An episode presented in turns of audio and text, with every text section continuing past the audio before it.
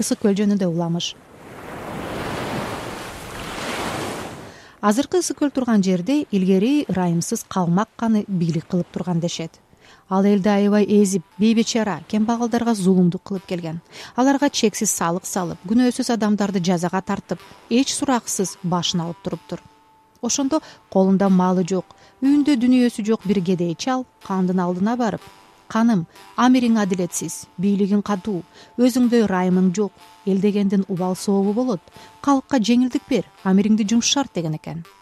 Ачуусу келген кан бир жолкуңду кечирдим чал.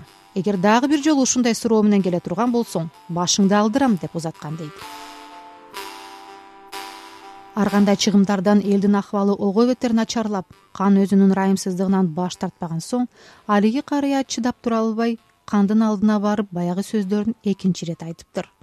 Кан тактысынан аша чегип отуруп өзү эртең дарга асылсын ал эми аял балдарын кескилеп өлтүргүлө деп буйрук берет да ал карыянын бир көзүн ойдуруп салат.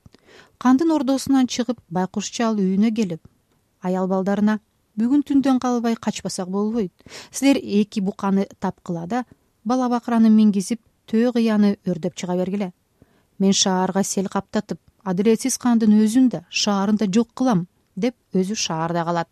Баласы атасы айткандай эле эки буканы даярдап баардык кедей кембагалдарга шаардан чыгып кеткиле деп кабарлап тоого качып чыгып кетишет чал болсо ошол шаардагы чоң кудукка келет да тулпарын байлап коюп колуна кетменин алып кудуктун түбүнө акырындап түшүп барат.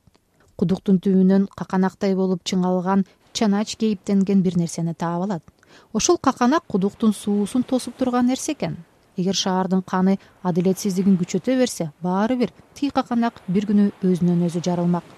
Чал селдин кабыгын кетмени менен бир салып жарат да өзү канаттуу тулпарына минип тоону карай качып чыгып кетет. Ошентип шаардын каны бүтүндөй мал мүлкү жан жөөкөрлөрү миңдеген колу жарак жабдыктары курдурган ак сарайы менен суунун түбүнө кетет кудуктун суусу уламдан улам күчөп каптап акырында көлгө айланып кеткен экен. Мына ошол көл кийин ысык көл аталып бүт дүйнөгө белгилүү болуптур